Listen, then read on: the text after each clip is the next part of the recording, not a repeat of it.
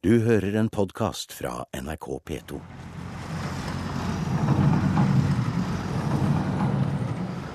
Vi er framme i Neiden, ved bygget til Østsamisk museum. Det nye bygget har vært ferdig i tre år, og er ikke ferdig likevel. Men utstillingen, som kanskje skal åpne om en stund, er under bygging.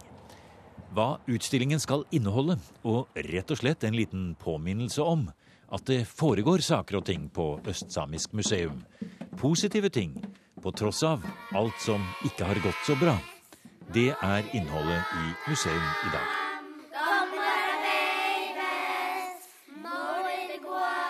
Her har vi fått låne litt av den skoltesamiske lloyden, som skal være åpningen i den optimistiske lyddusjen, som blir det første publikum møter i utstillingen når den står ferdig.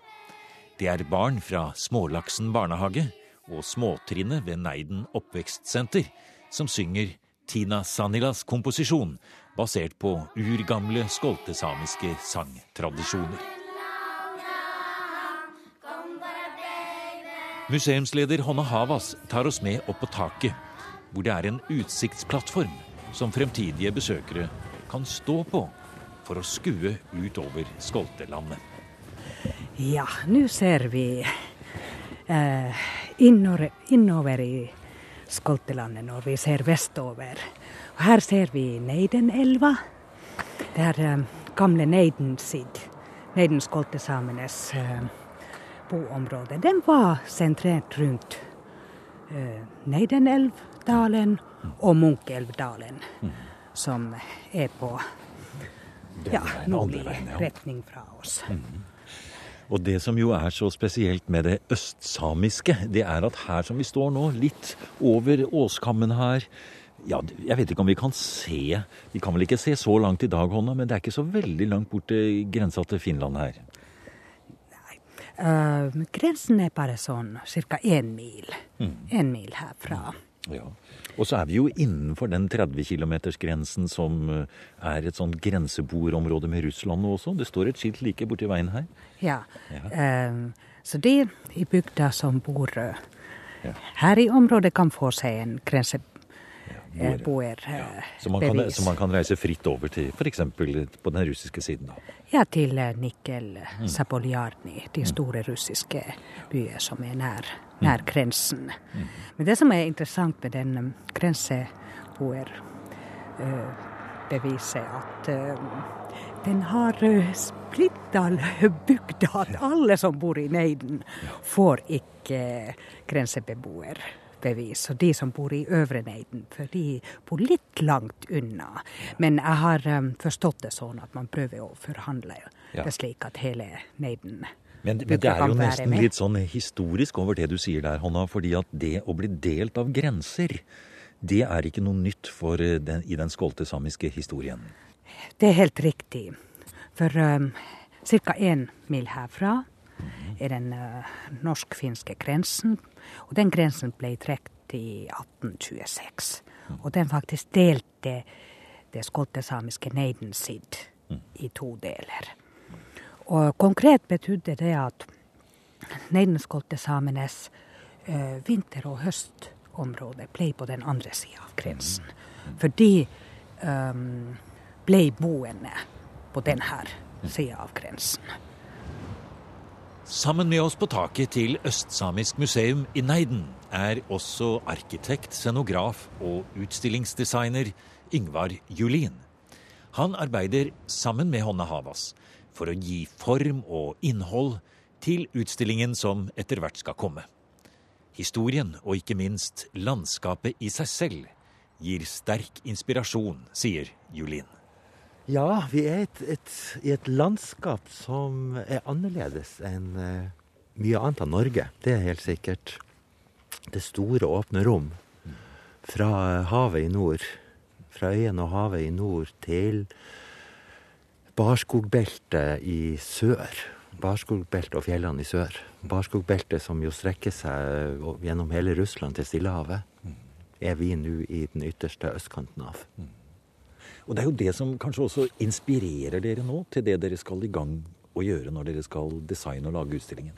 Ja, det er en eh, Det har vært et grunnleggende premiss i måten vi tenker på når vi eh, bygger opp utstillinga.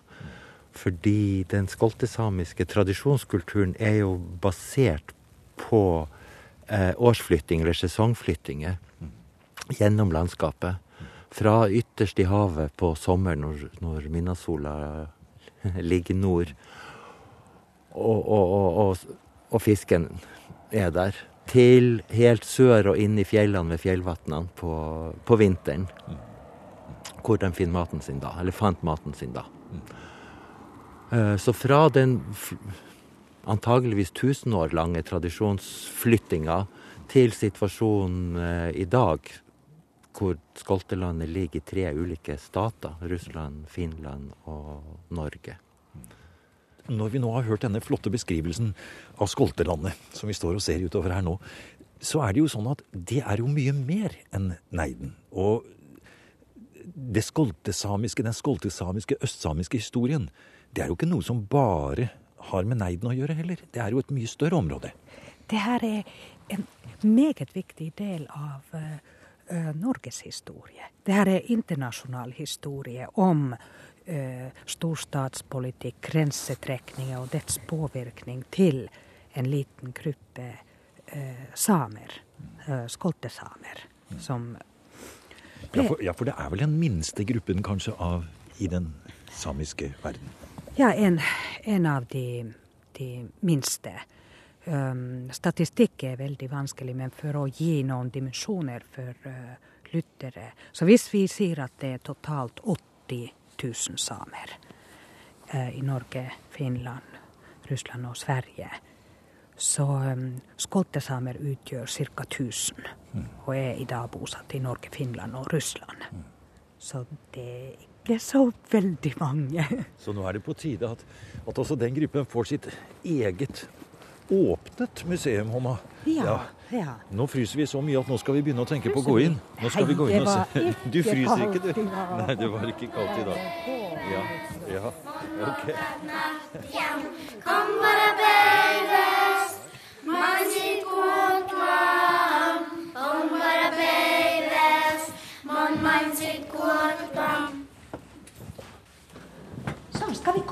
På um, selve lokalet for basisutstillingen. Her er det jo bygging. Ja, her er det bygg. Um, og her har vi et um, eh, rom på 200 kvadratmeter. Um, utgangspunktet var en ja, svart boks, black box, med minst mulig forstyrrende elementer. Og um, vi deler det her i tre utstillingsrom, som du ser vi holder på å Ja, for her, her, her stiger gulvet opp her. Det er en eh, Sti eh, gulvet stiger oppover, og rommet åpner seg. Det scenografiske, eller det romlige, kommer ut av historia, kan du si. Vi skjønte at vi skulle dele historia i tre, så da delte vi også rommet i tre soner. Som arbeidstittel så deler vi historia i del én, som vi kaller folk. Del to, som vi kaller landet. Og del tre, som vi kaller verden. I del én, folket, så viser vi eh, tradisjonslivet og organisasjonsmåten i det skolte-samiske samfunnet. Og vi viser utstrekninga. Hvor var det folk holdt til? Og vi viser det vi vet om hvor lenge har eh, folk levd på dette viset i det skoltesamiske land, landområdet. Men her, vi går inn her nå, og vi går oppover på et, et, sagt et skråplan. Det stiger opp, og rommet åpner seg litt her. Og det er, eh, vi ser skjelettet stå rundt i form av at snekkerne har begynt å jobbe litt her. Det er reisverk rundt her, noe av gulvet er lagt og sånn.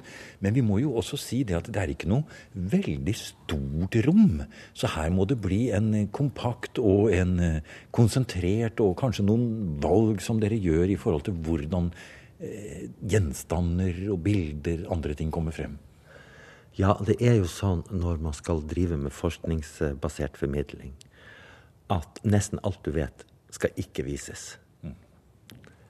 Så utvelgelsen er jo det store, store store arbeidet, egentlig. Altså hvilke gjenstander, hvilke tekster, hvilke fotos, hvilke fortellinger er det som, som i sin lille versjon kan, kan si noe om det store bildet? Det har vært en ø, interessant prosess ø, fra det veldig omfattende tekstuelle til en situasjon hvor det visuelle tar over. At ø, gjennom det arbeidet som Yngvar og jeg har hatt, form og innhold hand i hand, så tekstene er redusert til det minimale. Og også det at for oss har vært viktig at eh, utstillingen kommuniserer til skoltesamer med, de, med deres eh, viktigste morsmål. Så vi har både skoltesamisk, norsk, finsk og russisk. Og Også engelsk med tanken av de utenlandske reisene. Så um, det, tekstene blir veldig komprimert. La oss gå videre her, eh, dere. Så går vi inn her. Hvis vi går nå Ingmar, inn i neste rom, Ja. så kommer vi altså fra folket og inn, og nå går vi gjennom noe som sikkert blir en dør eller en åpning. Kanskje det er lyssatt på en annen måte. Jeg vet ikke. Vi kommer inn i en, En en overgang. I en overgang. Og så går det nedover igjen. Da kommer vi inn i et rom som er tilnærma sirkulært. Som vi kaller landet. Jeg må si at jeg er blitt veldig, veldig glad, eh, spesielt i det her rommet. For det er noe med eh, litt av hjertet i utstillingen. Eh, hvis du legger merke til, her er en et struktur her. Um, Det er på en måte akkurat som en, en, en sirkel eh, her, ja. Ja. sirkel. Og her blir det ø, benkerader slik at 25-30 stykker kan sitte ned. Og det her er et ypperlig sted når vi får skoleklasser inn, og samler dem hit og har et undervisningsopplegg for unger. Og det er litt morsomt å oppdage hvordan dere har arbeidet med høyde her. For man stiger opp, og så går man ned. Ja, og den tanken at, at vi, når vi kommer til eh, vinteren, så er vi litt høyere opp. For um, Ja. i de her kystsidjene, sånn som uh, Neidensida, Neidensid uh, var, så vinterboplassen var på innlandet. På høyere terrenget. Og så, når man flytter til sommerboplasser, så er man ved havnivået. Sånn som nå, vi har nådd uh, Nå har vi kommet helt ned der. Ja. Det er altså Rommet følger da, Ingvar, kan man si, hele den både den syklusen gjennom året og gjennom naturen. Som, ja. Ja. Det er jo fordi flyttesyklusen er jo fast gjennom året og gjennom landskapet. Fra innlandsvannene på vinteren hvor det finnes fisk, og ved. Ned elvedalene til fossene hvor du fanger laksen, og ut fjordene og helt ytterst hvor du har, so har sommerfisken. Så det er bevegelsen i landskapet og det er tilgangen på ressursene som finnes i de landskapene. Dette rommet tar for seg.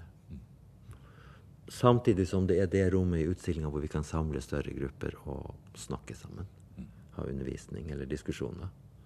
Og så er da meningen, når man har gått gjennom dette, den, det rent spesifikt skolte-samiske, så skal man altså inn, før man kommer ut av utstillingen da, så ser man inn i hele den internasjonale sammenhengen som den skolte-samiske kulturen står i. Er det derfor de har det, at dere har dette tredje rommet? Ja, du kan si denne sirkelbevegelsen brytes av en vegg som skyter inn i dette rommet. Og på den veggen så vil vi vise de siste årsflytningene. Fordi det, det livsmønsteret vi beskriver i dette rommet, det finner ikke sted lenger. Av eh, de nasjonale grensene som ble trukket i sin tid. Eller serien av grenser og serie av hendelser som har stoppa tilgangen til de, de gamle områdene for de de skoltesamiske sidiene. Det stopper oss og leder oss inn i det siste rommet som vi som arbeidstittel har kalt verden. Og det rommet vil behandle samtid, men det vil også behandle skoltesamisk møte med kulturen, kulturene rundt. På godt og vondt. Og det er jo fordi vi vet at uh, ingen kulturer utvikles i et vakuum. Uh, Og mye av det, det som vi i dag ser på som tradisjonell skoltesamisk kultur, er jo uh, levemåter og mønster som har oppstått i møte med andre. Det er bare å vise en liten lekker, lekker sak som Jeg den Utstillingsarkitekt Yngvar Julin og museumsleder Hanne Havas viser rundt i det som skal bli den nye utstillingen når Østsamisk museum i Neiden i Finnmark en gang åpner. I det som var tenkt som aula og kafeteria i den nye museumsbygningen, er det nå et provisorisk arbeidsrom fylt av skisser, fotografier, prøveoppstillinger og esker med kopier av gjenstander og andre ting som skal inn i utstillingen. De mange originalgjenstandene som kommer til Neiden fra de samiske samlingene til Norsk Folkemuseum, Tromsø museum og Grenselandmuseet, kan ikke overføres før magasinforholdene i Neiden er gode nok. Et viktig prinsipp for utstillingen, sier Honna Havas, er at det skal være en blanding av moderne kopier og originale gjenstander. På den måten kan de besøkende selv holde i og prøve gjenstander av bein og tre, som var vanlige for skoltesamenes utnyttelse av de lokale naturressursene. Så her er noen eksempler som illustrerer det veldig godt. Eh, vi har osp, selje, bjørk og furu eh, som ressurs. Og på sommerstid, når Finnmarksborsen blomstrer, sanker skoltesamene både røtter, bark og never av de her treartene. Og her har vi f.eks. utnyttelse av bjørkenever eh, i form av forskjellige typer beholdere og skål. Så viser vi fram eh, hvordan eh, fururøtter eh, eh, blir til eh, vakre Ja, kurver, kurver. Ja. Em, vi har fått en um, skottesamisk kvinne fra finsk side, lå- Fofonov, som har uh, laga, til oss en nesten ferdig kurv laga av fururøtter, Mhm. basert på den mm -hmm. eh, kurven som vi får eh, fra Norsk Folkemuseum. Så vi. Det en viser kultur litt som av den prosessen. fortsatt i ja, ja. Ja. Så fint. da. Så her er en del av den gamle kunnskapen er godt vedlikeholdt blant skoltesamene. Se her, ja. Å, se, den var fin, ja. Ja, en barkflekker som man da benytter for å løsne den indre barken av utrebarken. Den, den er også av bein, ser vi, men den er nå dekorert. dekorert. den litt ja. i hand? ja, se her, nå får jeg lov til å holde den litt, ja. Ja, den er jo kjempefin. Er dette også en replika? Som Det er replika. Ja. Utrolig flott lav, da. Og her har vi også et fin. foto hvor hun Ojas Sverloff da benytter redskapet. Så har vi et fotografi her, ja, hvor det er. Og så har vi de eldre gjenstandene. Så det her blir veldig sånn pedagogisk. altså, vi trenger ikke så veldig mange ord å forklare det, fordi at man kan se det visuelt og også ta på gjenstander. Så det forhåpentligvis gir eh, besøkende litt nærhet til denne prosessen.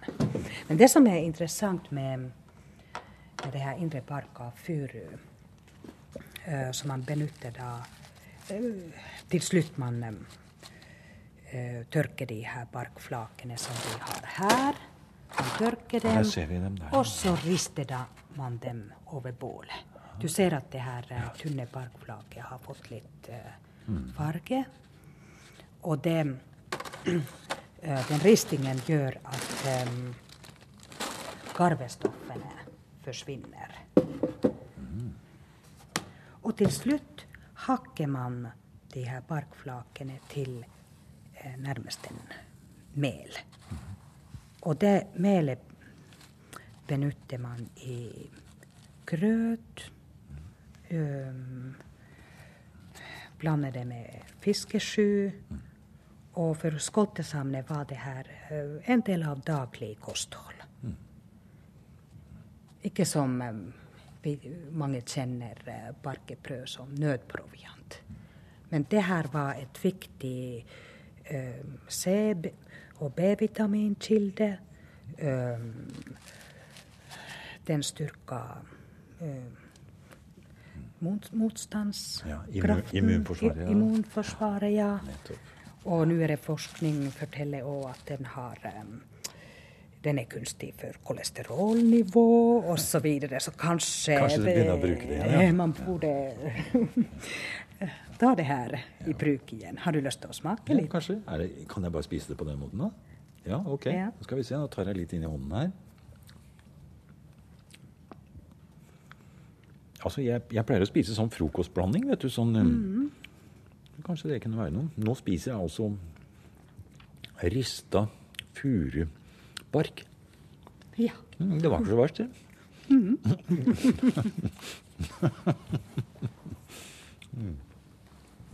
Da jeg kom inn i dette arbeidet, og vi hadde en stor referansegruppe som skulle hjelpe oss med arbeidet, så var det flere som snakka om at det er så vanskelig å lage en utstilling om det skoltesamiske, for det er så trist. Ja. Uh, og så tenkte jeg, men vi skal da ikke fortelle en trist uh, historie. Det er jo ikke vårt mandat. Trist fordi det er få igjen fornorskningen. norskningen Ja, fordi det har vært så mye undertrykkelse og så mye nedvurdering. Og forsøk på å påføre skam knytta til etnisitet og, og historisk bakgrunn fra storsamfunnet. Eh, men det er jo en, bare en liten, bitte liten del av den skolte samiske historia.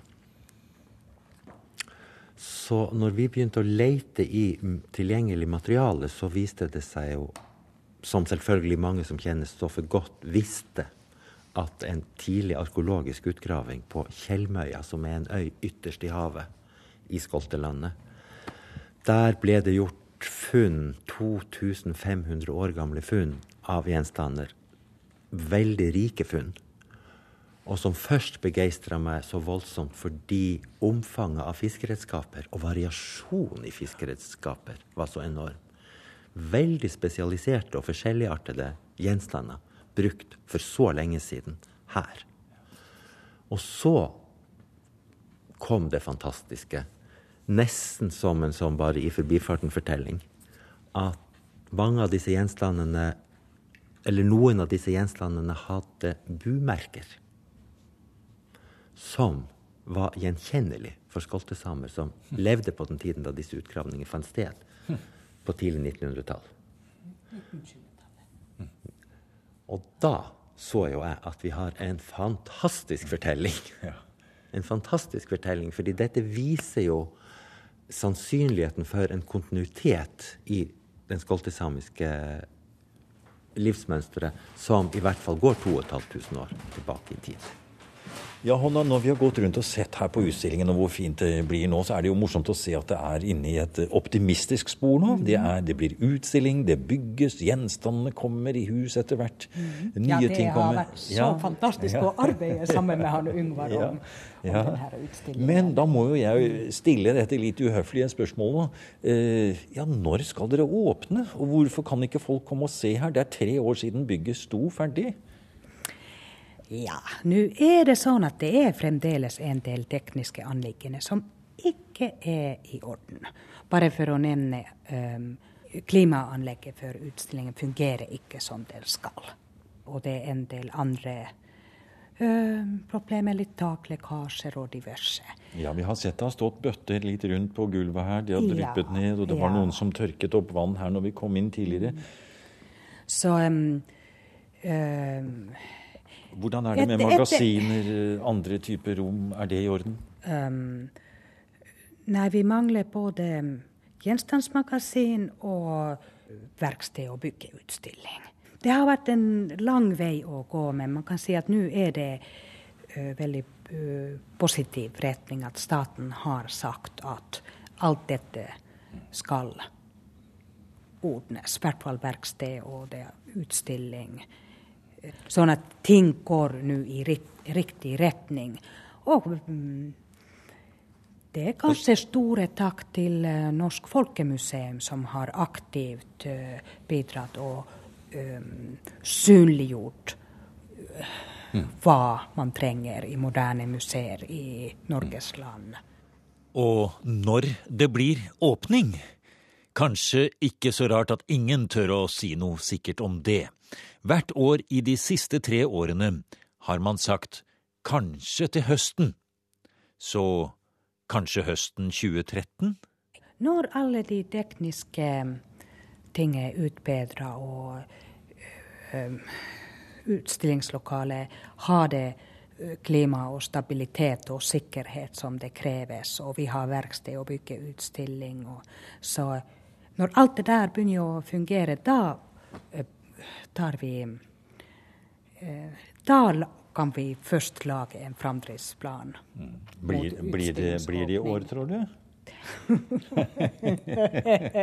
Du, jeg tør ikke å si hva, hva vi har nå. Vi er Si det sånn. Det håper vi veldig. Det har vi veldig lyst til at det blir i år. Vi er klar. Ja, takk, Yngvar. Du har nå hørt programmet Museum som podkast fra NRK. Museum sendes i NRK P2 på lørdager klokken 16 og søndag morgen klokken 8. E-postadressen er museum.krøllalfa.nrk.no. Og nå har museum også en side på Facebook.